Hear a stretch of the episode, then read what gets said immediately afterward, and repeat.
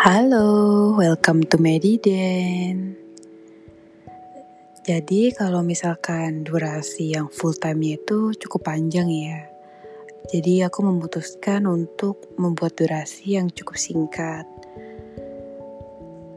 Untuk pembicaraan saya sama Dokter Feryandi, intinya itu mengenai bahwa toxic relationship itu tidak terbatas hanya pada segi percintaan saja namun juga bisa terjadi pada pertemanan atau mungkin hubungan-hubungan lain yang memang dirasa dekat dan membawa hal-hal yang negatif tentunya.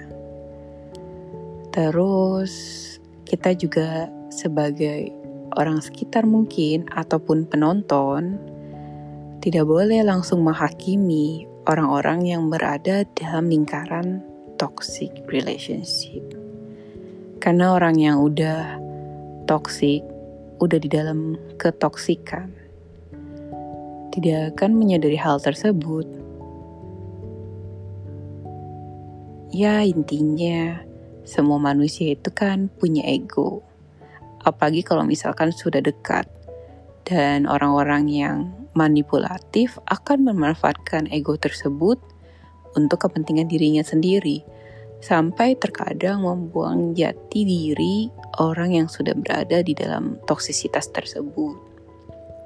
Untuk mengorbankan hal-hal yang tidak hanya materi ya, namun bisa berupa waktu dan tenaga, bahkan kesehatan ataupun kepentingan yang lebih besar. Kalau misalkan mengingat zaman koas, mungkin yang diminta pasien. Tapi kalau mengingat zaman now, mungkin yang diminta waktu, tenaga, dan biaya. Jadi itu banyak bervariasi.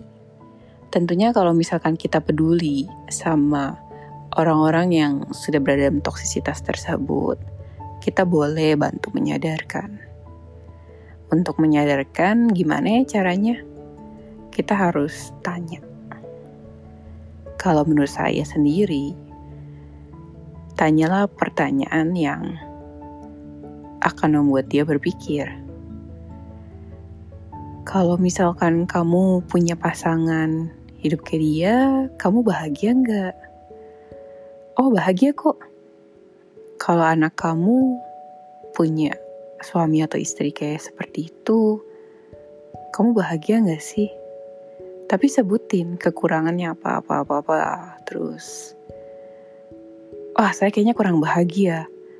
Tapi bukankah kamu boleh tanya lagi, tapi bukankah pasangan yang kamu pilih sekarang yang seperti yang saya sebutkan kriterianya?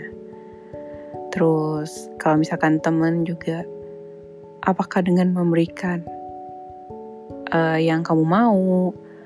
Apakah dengan nemenin hal yang kamu mau? Apakah dengan ikutan gosip seperti yang kamu mau? Itu akan ada manfaatnya gak sih buat kamu gitu? Dan kamu sebagai orang sekitarnya itu akan harus kasih tahu terus terang bahwa ketika teman kita atau orang-orang terdekat kita sering ngomongin orang lain, maka ketika tidak ada kamu, berarti kamulah yang akan menjadi pembicaraannya.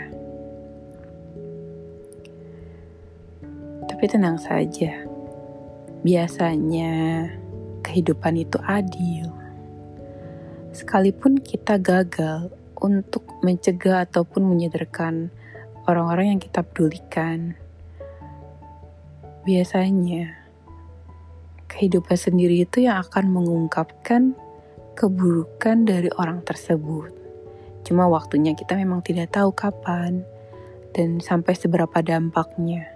Dan kalau misalkan kamu adalah salah satu kaula yang sudah mengalami toxicity relationship, kamu jangan pernah merasa bahwa kamu lebih rendah dibanding orang lain, karena itu tidaklah benar.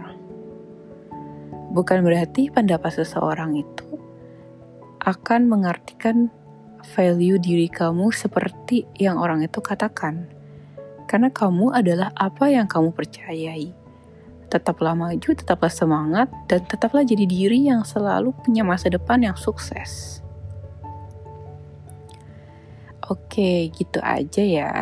See you on the next Mediden. Bye bye.